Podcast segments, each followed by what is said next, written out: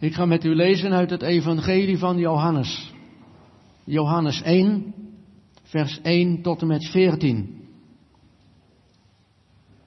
Johannes 1, vers 1 tot en met 14 lezen wij vanavond.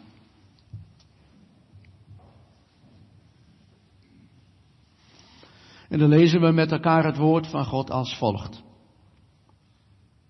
In de beginnen was het woord, en het woord was bij God, en het woord was God. Dit was in de beginnen bij God. Alle dingen zijn door hetzelfde gemaakt, en zonder hetzelfde is geen ding gemaakt dat gemaakt is. In hetzelfde was het leven, en het leven was het licht der mensen. En het licht schijnt in de duisternis, maar de duisternis heeft het niet begrepen. Er was een mens van God gezonden, wiens naam was Johannes. Deze kwam tot een getuigenis om van het licht te getuigen, opdat zij allen door hem geloven zouden. Hij was het licht niet, maar was gezonden opdat hij van het licht getuigen zou. Dit was het waarachtige licht, het welk verlicht een iegelijk mens, komende in de wereld. Hij was in de wereld, en de wereld is door hem gemaakt, en de wereld heeft hem niet gekend.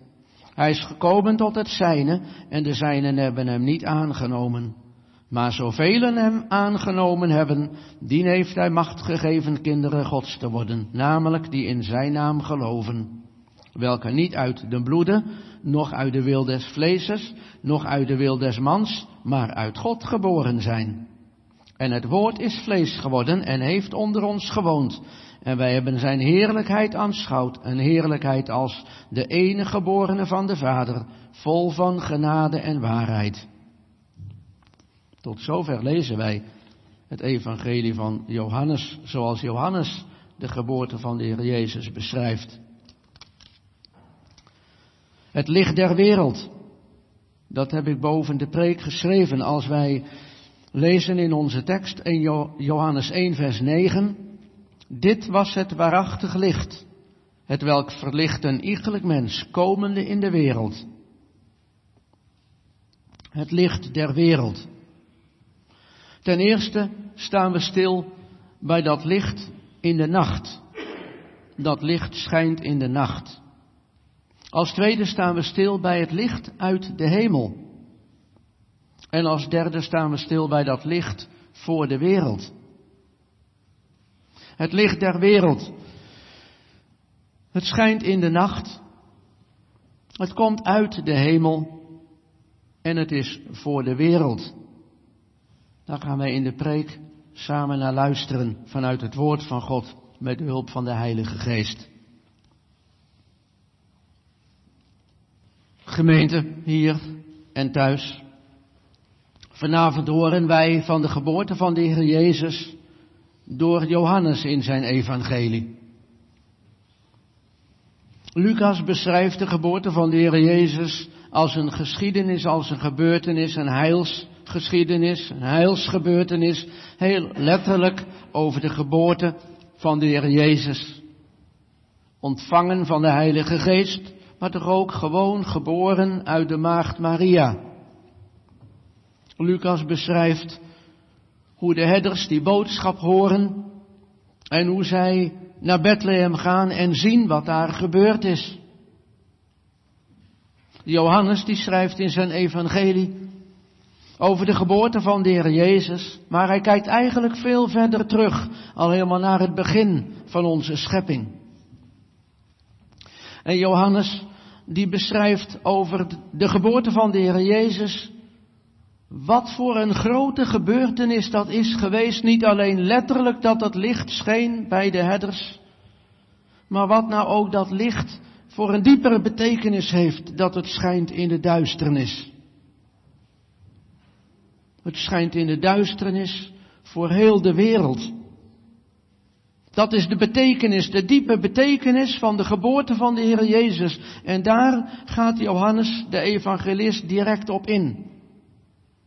En daar luisteren wij vanavond naar, op deze tweede kerstdag. Een zondag, maar ook de tweede kerstdag. Het licht schijnt in de nacht, in de duisternis. Toen Jezus geboren werd, was het nacht. Niets vreemds. Een kind kan geboren worden op de dag, midden op de dag, maar ook in de nacht.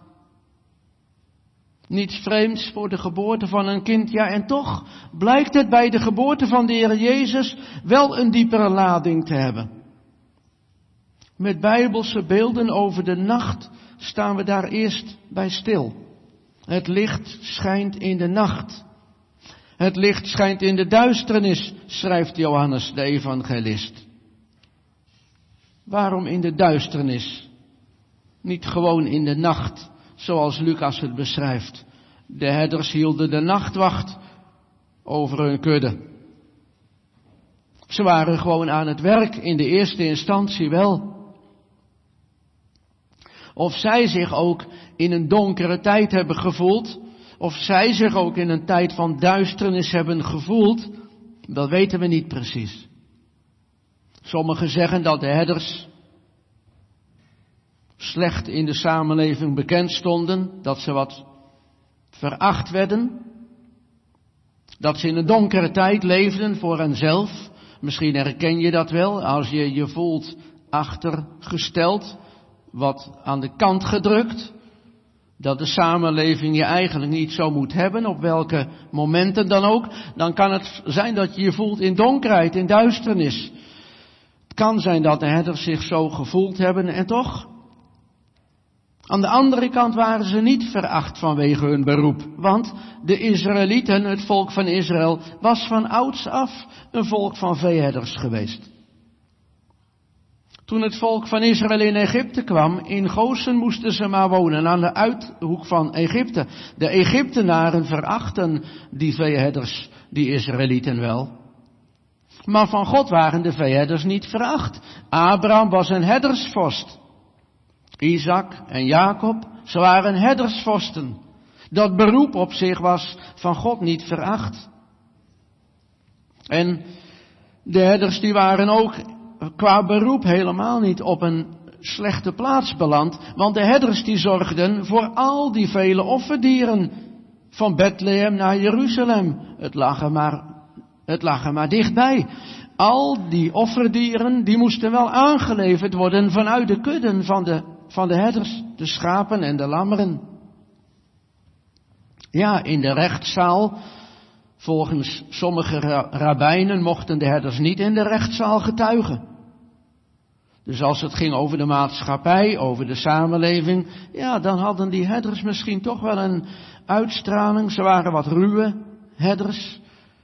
Ze waren wat vierkant, wat bonker misschien door het buitenleven zo geworden, we weten het niet. Van sommige rabbijnen is bekend dat ze zeiden, de herders mogen niet getuigen in een rechtszaak. Als er verschillende Israëlieten een rechtszaak hadden, dan zegt Paulus ergens later, dan moeten we trouwens niet naar een wereldlijke rechter gaan. Hebben we niet zelf de rechters in ons midden? Maar laten twee Israëlieten naar de rechters gaan, de overheden, de schriftgeleerden en de fariseeën en de Sadduceeën, die leiding gaven aan het volk. Dan mochten ze niet een getuige meenemen. Iemand die zegt, zo en zo is het gebeurd. Als een herder dat zei, waren ze onbetrouwbaar de herders. Van God, nogmaals, waren ze niet veracht. Want in het Oude en in het Nieuwe Testament laat God de profetieën over de herders gaan. Haalt God David, een herdersjongen, bij de schapen vandaan om hem koning te maken. In IJzendoorn ging het met het kerstviering van de zonderschool en de club over, David, over Jezus, Davids grote zoon. Voor God niet veracht zo'n herder. David mag koning worden en later Jezus, de grote Davidszoon. Die herders, ze waren bezig met hun werk in de nacht. Ze hielden de nachtwacht over hun kudde. En eigenlijk is dat wel een mooie beeldspraak. Die herders die, die hielden de wacht over hun kudde, zodat er geen roofdieren bij zouden komen. Zodat er geen roofdier bij de kudde zou komen om een lammetje weg te rukken of een schaap te doden. Maar het zat die herders misschien wel dwars dat ze de echte vijand van hun volk niet konden verdrijven, niet op een afstand konden houden. De Romeinen, die waren de heersers over hun volk. Daar konden ze geen wacht tegen inbrengen. Laat staan dat de herders, als het ging over het godsdienstige pijl, dat zij dan de wacht konden houden, dat de verwachting van de Messias echt levend zou blijven. De herders waren daar niet toe in staat en eigenlijk niemand. In die zin was het nacht geworden in Israël, zoals Johannes het zegt. Het licht kwam in de nacht, in de duisternis. Ja, dan loopt het op uit, zegt Johannes.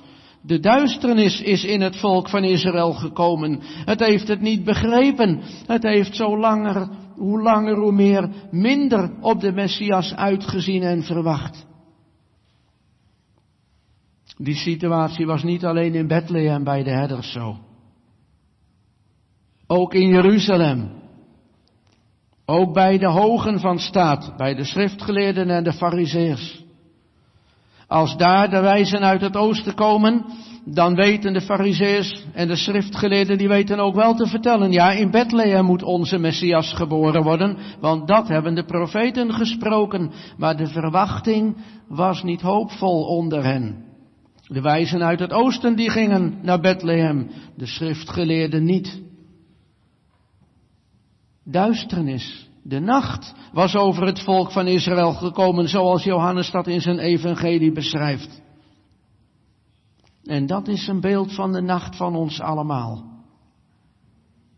De herders, of wie wij ook zijn in ons beroep. Misschien ook nog wat druk met ons werk. De wacht houden over al onze bezittingen. De wacht houden over alles wat moet gebeuren. Daar heel alert op zijn. Dat moet ook. God geeft ons een beroep om dat uit te oefenen met verantwoordelijkheid. Maar als het nu verder qua verwachtingen alleen maar van die wacht over onze aardse bezittingen gaat. Dat we alleen maar de wacht houden over onze gezondheid, over het goede hier, hier in dit leven. En als het verder nog donker is in ons leven, dan is het nacht, dan is het duisternis. Dat is wel de situatie van ons mensen in de zondeval gevallen. De duisternis is de afwezigheid van het licht. De duisternis van de nacht, zoals Johannes het bedoelt in zijn evangelie, dat is de wereld zonder God. De wereld buiten de kerk, maar ook de wereld in de kerk. Als God met zijn licht niet echt een plaats heeft in ons leven, dan zegt Johannes, het is duisternis. Natuurlijk wordt er in de wereld wel geleefd. Natuurlijk wordt er in de kerk wel geleefd, maar echte vreugde door het licht is er dan niet. En dan mis je het allerbelangrijkste in je leven nog. Dan is er nog geen echt licht. Het waarachtige licht is nog niet in je leven gaan schijnen. Mensen hebben dat soms wel in de gaten. Ook zelfs randkerkelijke mensen, zoals wij die noemen. Als je dan op bezoek komt, dan zeggen ze, ja dominee, we hebben het al lang gezegd, zo gaat het niet goed in de wereld. Zeker die afgelopen anderhalf, twee jaar. Dat kon ook nooit goed gaan. Al die ellende in de wereld.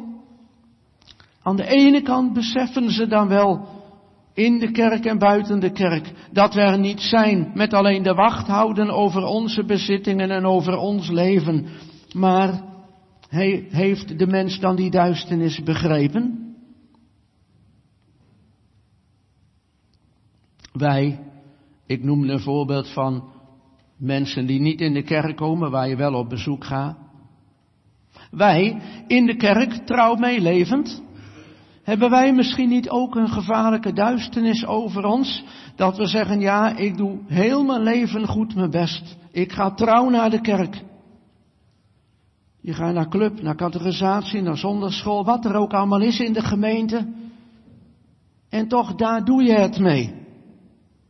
Dat waarachtige licht is nog niet doorgebroken en misschien vind je je wel beter dan een onkerkelijk iemand. Maar dan leef je toch nog in de duisternis. En wat zegt Johannes nu in zijn evangelie?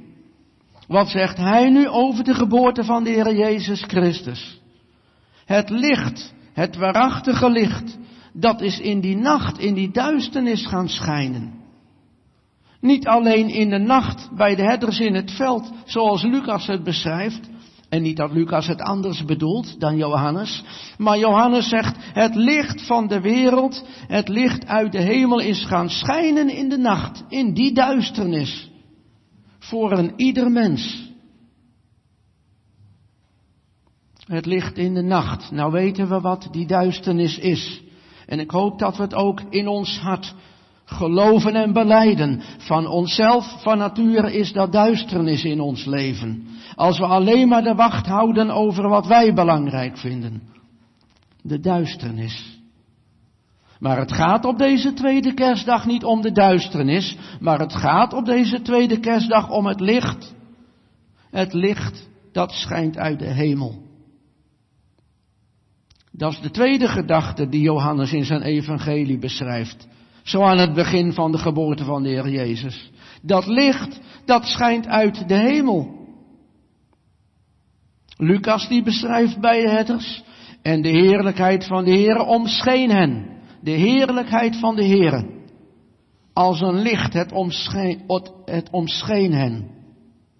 En Johannes die zegt rechtuit de heerlijkheid van de Heer, daar heeft hij het ook over, de heerlijkheid als de enige geborene van de Vader, maar hij heeft het direct ook over het licht.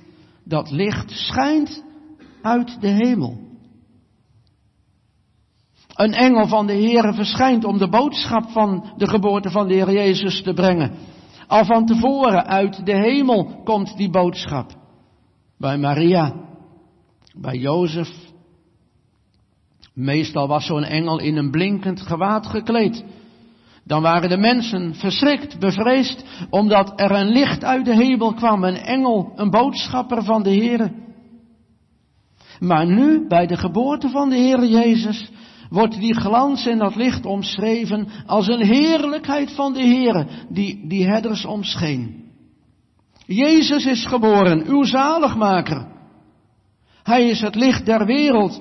Die lichtglans is niet van ons, van de engelen. Die lichtglans is van de Heer Jezus Christus die geboren is. Uit de hemelse heerlijkheid is het licht verschenen. De heerlijkheid van God geopenbaard uit de hemel. De heerlijkheid van God is geopenbaard op de aarde. De heerlijkheid van God is gelegen in nog veel meer dingen, veel meer woorden en begrippen van zijn eigenschappen. Maar hier bij de geboorte van de Heer Jezus, van de Zoon van God, is dat iets van de heerlijkheid van God de Vader. De heerlijkheid van de Heere, de Vader en de Zoon is één. De heerlijkheid uit de hemel is verschenen, is omschenen aan de herders en is neergedaald op de aarde. Uit de hemel, ja. Hoewel de Heer Jezus uit de maagd Maria is geboren, is hij ontvangen van de Heilige Geest. De heerlijke komst van de Heer Jezus is uit de hemel. De herders zagen naar omhoog, want er verscheen een hele engelenschaar. God heeft zijn zoon gezonden uit de hemel. Een zaligmaker die waarachtig en rechtvaardig mens was, maar een zaligmaker die ook rechtvaardig God moest zijn.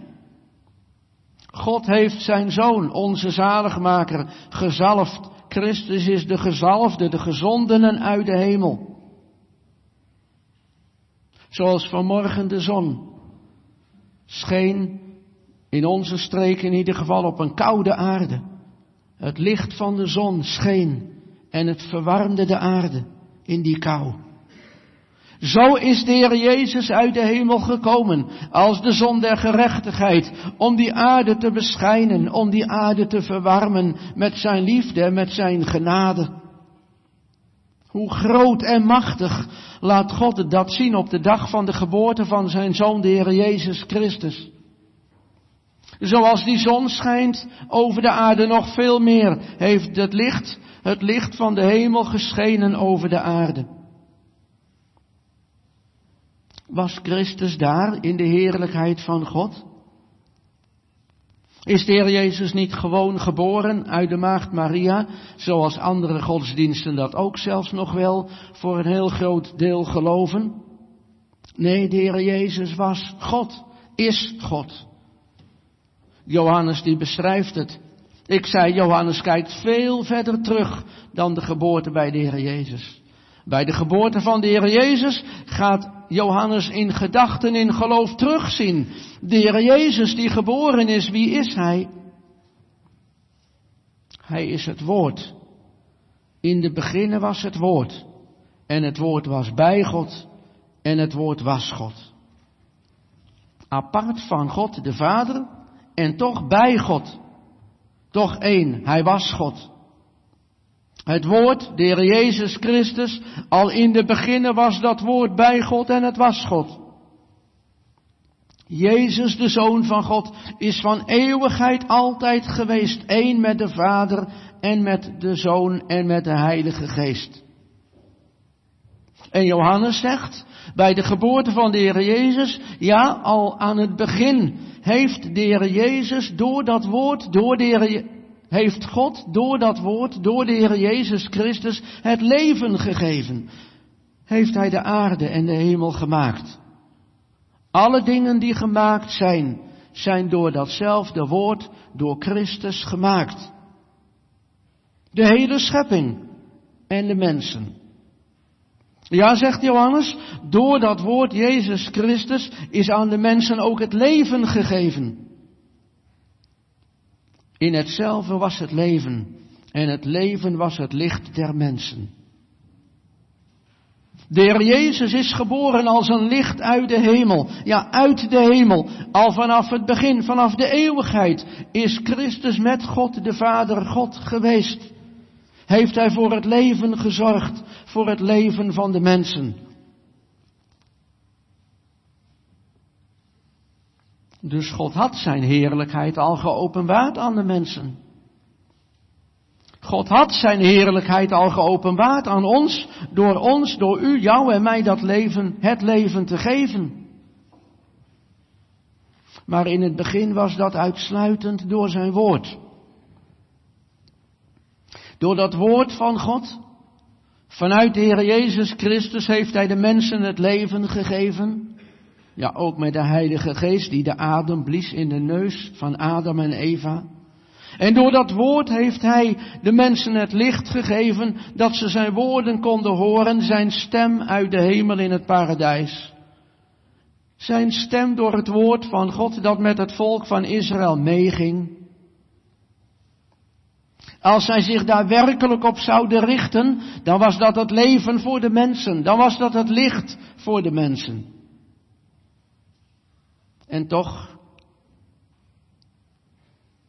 toch is dat woord van God, als het in de hemel bleef, voor de mens niet voldoende geweest. Hoe kwam dat? Niet door God, niet, door dat, niet dat het woord, dat licht in de hemel verkeerd was. Nee, zeker niet. Maar de mens kon met dat woord van God alleen niet blijven leven omdat de mens in de zonde is gevallen. En waaraan werd dat zichtbaar? Nou, bijvoorbeeld als God kwam bij de mens, bij Mozes, bij die brandende braambos, dan kon Mozes voor de Heere God niet bestaan. En als het volk met Mozes, het hele volk bij de Sinai is, en dat licht uit de hemel schijnt, en als Gods woord klinkt bij het volk van Israël, dan kan dat volk voor de Heere God niet bestaan. In het woord was het leven en in het woord was het licht voor de mensen. Maar de mens kon voor God niet blijven bestaan. Waarom niet? Omdat ze gezondigd had. Omdat het volk van Israël keer op keer zondigde. Omdat het volk van God keer op keer zondigt. Omdat de mens keer op keer zondigt. Omdat ik keer op keer zondig. Omdat u en jij keer op keer tegen de Heere God zondigt. Moest dat licht dan weer opnieuw komen? Ja. Het kwaad was niet in dat woord, maar het kwaad was in de mens gekomen, de zonde, de duisternis. De duisternis zoals Johannes het beschrijft in zijn evangelie, dat het licht in de duisternis moest komen uit de hemel, omdat de mens dat licht had verworpen. De mens verlaagde zich om alleen maar aandacht te geven aan de aardse bezittingen. Om zich alleen maar te richten op dat aardse, op dat wereldse, op eigen belang en niet meer te letten op dat woord dat bij God was. Het woord wat hun het leven had gegeven. Het licht dat over hun pad had geschenen. Zijn wij ook zo, ja, door God geschapen, goed geschapen. En toch in zonde ontvangen en geboren. Hoe kan dat? Vergelijk het misschien maar eens heel eenvoudig als je een kamer hebt. Jouw kamer, je leeft in die kamer op de dag. Je weet alles te staan, alles te vinden. Je bent daar blij, je bent daar vrolijk, je bent daar goed in jouw kamer. Maar dan wordt het nacht. Dan wordt het donker. En dan word je in jouw kamer bang. Dan heb je het licht weer opnieuw nodig. Het licht is verdwenen, de nacht is gekomen en het wordt donker in jouw kamer, het wordt donker in jouw leven, dat is het beeld. De zonde heeft de nacht in ons leven gebracht, de duisternis. We hebben het licht weer opnieuw nodig uit de hemel. Die hemelse heerlijkheid, dat licht is in de hemel. Het was op de aarde toen God ons geschapen heeft, maar wij hebben het licht verstoten. Het is donker geworden in onze kamer, in ons leven. En daarom moest dat licht, de heerlijkheid van God weer gaan schijnen uit de hemel. Want op de aarde hadden wij het licht verwoest. En nu zegt Johannes, wonder van genade, dat licht, de heerlijkheid van de Heer is verschenen uit de hemel. Nu is dat licht uit de hemel neergedaald. Dit was het waarachtige licht, het welk een verlicht een iegelijk mens komende in de wereld. Dit was het waarachtige licht. Het levend geworden woord, het vlees geworden woord. Dat kind dat in de stal, in de kribbe, in Bethlehem ligt. Dat is het vlees geworden woord dat uit de hemel is neergedaald. Dat is het licht dat de heerlijkheid des Heren omscheen, dat op de aarde is gezonden. En daarom zegt die engel tegen de herders, ik verkondig u grote blijdschap. En daarom zegt Johannes tegen alle mensen die zijn evangelie lezen, dat licht, de heerlijkheid van de Heer, is weer neergedaald op de aarde. Het is het waarachtige licht dat ook u, dat ook mij, dat jou moet verlichten en beschijnen. Johannes zegt, om dat kind van Bethlehem hangt een hemelse glans. Dat licht, zo groot, zo schoon, dat is gedaald van hemels troon. En dat licht straalt volk bij volk in de ogen. Dit is het waarachtige licht dat geboren is, want dat komt van God. Van eeuwigheid tot eeuwigheid. Het was bij God, het was God. En nu is het gekomen naar deze aarde. Johannes zegt het. De heerlijkheid die de herders omscheen. Ik heb het gezien. Het was de heerlijkheid als van de enige geboren zoon van de Vader. Aan de ene kant denk je, ja, dat heeft Johannes gezien, maar dat is pas veel later op de berg der verheerlijking. Toen heeft hij, Johannes, Petrus en Jacobus, de Heer Jezus gezien en het licht daalde uit de hemel neer. Maar Johannes schrijft het in zijn eerste hoofdstuk van zijn evangelie.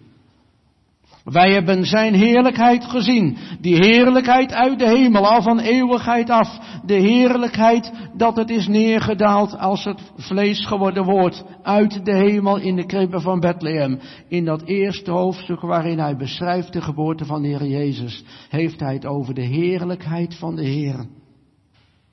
En later mag hij het nog een keer zien. Is dat geen wonderlijk licht? Dat uit de hemel is gekomen.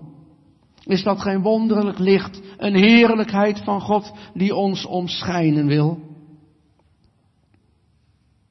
Doch de duisternis heeft het niet begrepen. Ja, dat toont ons dat pijnlijke eerste punt. Dat licht is uit de hemel neergekomen, de heerlijkheid van God. Maar het is in de duisternis terechtgekomen. En de duisternis heeft het niet begrepen. Hoe moet dat dan? Jezus kwam bij mensen die blind waren voor hun duisternis. Ja, de herders hebben het wel begrepen. En Elisabeth heeft het ook begrepen. En Zacharias, hoewel die eerst ongelovig was. En Jozef. En Simeon en Anna. En allen die de verwachting van Israël verwachten, ja, die hebben het toch begrepen. Hoe kan dat? Door de Heilige Geest. Maar Johannes die zegt, het licht dat uit de hemel is neergedaald, in de duisternis, dat is het licht dat verlicht een iegelijk mens komende in de wereld. En dat is onze derde gedachte bij de beschrijving van het evangelie van Johannes over de geboorte van de Heer Jezus. Dat licht uit de hemel in de duisternis is gekomen voor de wereld. Het licht schijnt voor de wereld. En met dat schijnen voor de wereld bedoelen we ten behoeve van de wereld. Voor de wereld, ten nutte van de wereld. Dat was het waarachtige licht. Het verlichtte ieder mens in de wereld. Of zoals de engel tegen de herder zegt, dit is een blijde boodschap die al de volken wezen zal. Of voor heel het volk wezen zal. Voor wie is het kerstfeest? Ik zeg nog liever, voor wie is het Christusfeest? Wie mogen zich blij maken met het licht voor de wereld? Jullie hebben je misschien wel blij gemaakt met het zonderschool of club kinderfest, eh, kerstfeest. Mag dat? Ja, dat mag. Dat mag zeker. Voor wie is het kerstfeest? Voor wie is het Christusfeest? Voor de kleinen. Voor de eenvoudigen. Zeg vanavond niet gelijk, ja maar ho even, voor al de volken, voor heel het volk. Het is toch voor Gods volk? Het is toch voor de uitverkorenen? In een bepaalde zin zou je dat vanuit de Bijbel in een andere context wel mogen zeggen. Maar zo beschrijft Johannes in zijn evangelie de geboorte van de Heer Jezus niet. Dus dat moeten wij er ook niet tussen zetten. Voor wie is het kerstfeest? Dit is het waarachtige licht dat schijnt voor de wereld, voor een iegelijk mens komende in de wereld. Aan wie liet de engel het licht van de Heer Jezus, de heerlijkheid van God schijnen? Aan de herders, de eenvoudige herders. Of dat het nou ruwe mensen waren, door de natuur ervaren en wijs geworden. Of dat ze nou veracht werden, of dat ze geëerd werden omdat ze goed zorgden voor de offerdienst. Voor wie is het licht gekomen, schijnende in de wereld voor een ieder mens in de duisternis, voor hen die zaten in de schaduwen van de dood. Want die duisternis die we hebben beschreven, die duisternis door de zondeval, dat is uiteindelijk de dood. De schaduwen van de dood zijn bij de duisternis van onze, van onze zondeval de eeuwige verlorenheid. Als dat licht over ons niet opgaat, als dat licht uit de hemel is verschenen, maar wij hebben het in onze duisternis niet, niet begrepen, niet aangenomen, dan blijven we in die schaduwen van de dood. Maar het licht is in de wereld gekomen om hen die zitten in de schaduwen van de dood te beschijnen, te verlichten. Ja, hij is gekomen tot het zijne. En misschien zegt u of jij daarom, ja maar dat is toch voor de uitverkorenen. Dat is toch voor zijn volk, voor de zijnen. Johannes schrijft, hij is gekomen tot het zijne. Wat bedoelt hij daarmee? Johannes heeft teruggekeken. Eeuwen teruggekeken naar het begin niet van Jezus geboorte alleen, maar van onze geboorte van de schepping. En het zijne, het zijne is de schepping van God. Wij mensen zijn zijn schepselen. Jij, u en ik, Wij zijn zijn mensen, het zijne van God. God heeft ons het leven gegeven. God heeft recht op ons. Hij zou zijn eigendomsrecht op ons kunnen laten gelden en dat wil hij ook laten gelden. Het licht uit de hemel neergedaald is gekomen tot het zijne in de wereld. Want wij zijn geschapen door God. En we leven midden in de wereld. De Heer Jezus bidt niet dat Hij ons uit de wereld wegneemt. Hij bidt alleen dat wij voor de wereld van zonde, de wereld zonder God, van goddeloosheid bewaard worden. Hij is gekomen tot het zijne, tot u, tot jou en mij, in de wereld waarin wij leven, tot een iegelijk mens vanavond. Of we nou hier zijn of dat we meeluisteren. Alleen de zijnen, heel de mensheid voor God, velen van de zijnen hebben hem niet aangenomen. Aan velen van de zijnen is hij wel verkondigd, maar ze hebben hem de deur gewezen. Velen hebben misschien al vele jaren dat kerstevangelie gehoord, maar zijn op een gegeven moment daarvan afgedwaald, afgehaakt. Die zijn in die duisternis gebleven en hebben het niet begrepen en hebben hem niet aangenomen. Hoe schijnt die heerlijkheid van dat licht dan verder in de wereld? En hoe verlicht het dan verder ieder mens? Ieder mens kan onder dat licht gebracht worden, want de engelen hebben het geboodschapt. De Heilige Geest is in Elisabeth gekomen en heeft haar hart vervuld. De Heilige Geest heeft een teken gegeven aan de wijzen uit het oosten om te gaan naar Bethlehem. De Heilige Geest heeft tegen die herders gesproken en in hun hart hebben ze het geloofd. Deze boodschap, daar moeten wij naar gaan zoeken of dat het waar is wat het woord van de engel geweest is. Zo krachtig is dat licht uit de hemel neergedaald. Het is een krachtig licht, sterk genoeg om al de duisternis te verdrijven. Licht verdrijft de duisternis.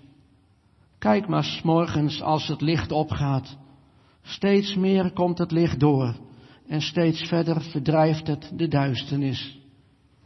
Het licht dat in de wereld is gekomen en ieder mens verlicht, dat verdrijft de duisternis. Denk nog meer weer aan die donkere kamer waar het zo donker is geworden, waar je bang bent geworden, bevreesd bent geworden. Als je klein bent zeg je dat misschien nog eerlijk. En als je groot bent denk je het. Als er een kaars in die kamer gezet wordt, dan verdrijft het de duisternis. Maar nu is voor ons vanavond de vraag, zijn wij al tot dat licht gekomen? Hebben wij dat licht al aangenomen? Dat waarachtige licht, het is geen kunstlicht. De lampen, kaarsen die wij maken, die gaan weer uit. Dit is het waarachtige licht. Het licht van de beginnen. Het licht dat gekomen is. En het licht dat zal wederkomen. Hebben wij dat licht al aangenomen? Niet bedenken dat het voor jou wel niet zal zijn. Niet zeggen dat het voor u niet kan. Niet denken, het is al zoveel keer kerstfeest geweest en nu is het alweer de tweede kerstdag, de eerste kerstdag is, al, is alweer voorbij. En er waren zoveel andere dingen die mij zorgen baarden. Er waren zoveel andere dingen die mij mijn aandacht vroegen. In de moeilijke tijd waarin we leven van zoveel ziekte, zoveel zorgen, zoveel noden. Waar zou je het meest blij van worden met het kerstfeest, met het Christusfeest? Toch als het licht gaat schijnen in je hart, als het licht verlicht een ieder mens, ook u, ook jou. Met kerstfeest moet je niet alleen kijken naar de nacht, naar de duisternis, naar de zorgen waarin je leeft.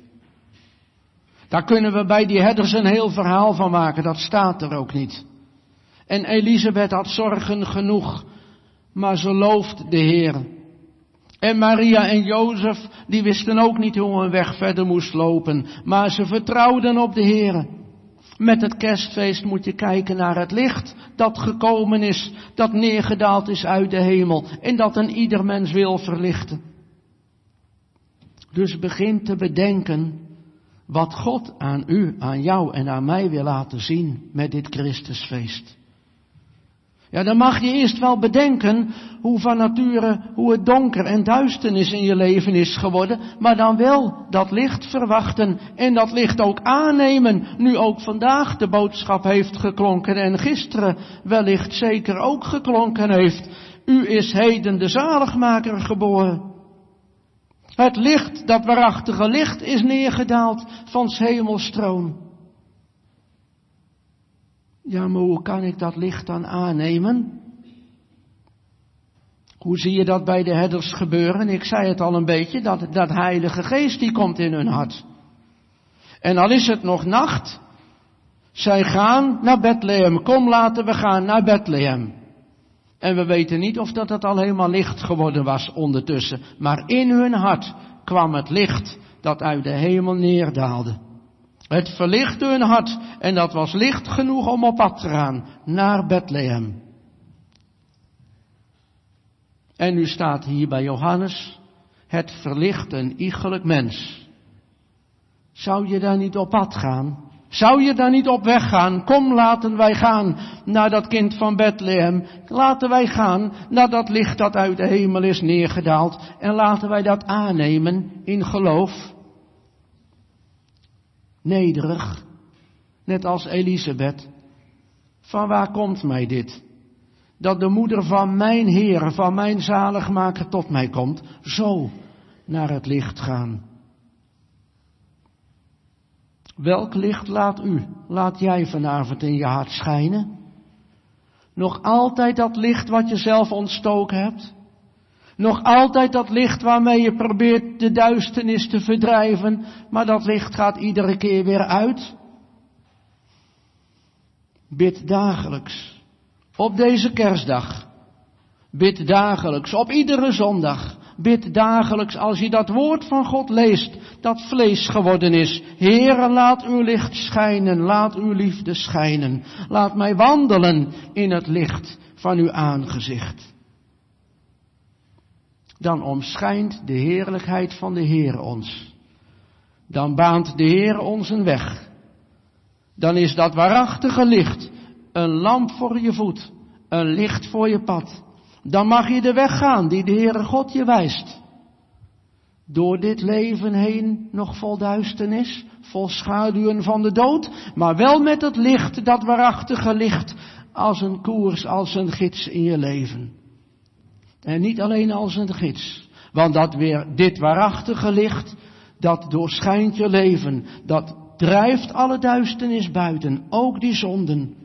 Ook alles wat je nog belemmert. Volharden in het geloof. Om te wandelen in het licht. Dit was het waarachtige licht. Het welk verlicht een iegelijk mens komende in de wereld. Bid dan op deze kerstdag God veranderen onze duisternis in zijn eeuwig licht. Amen.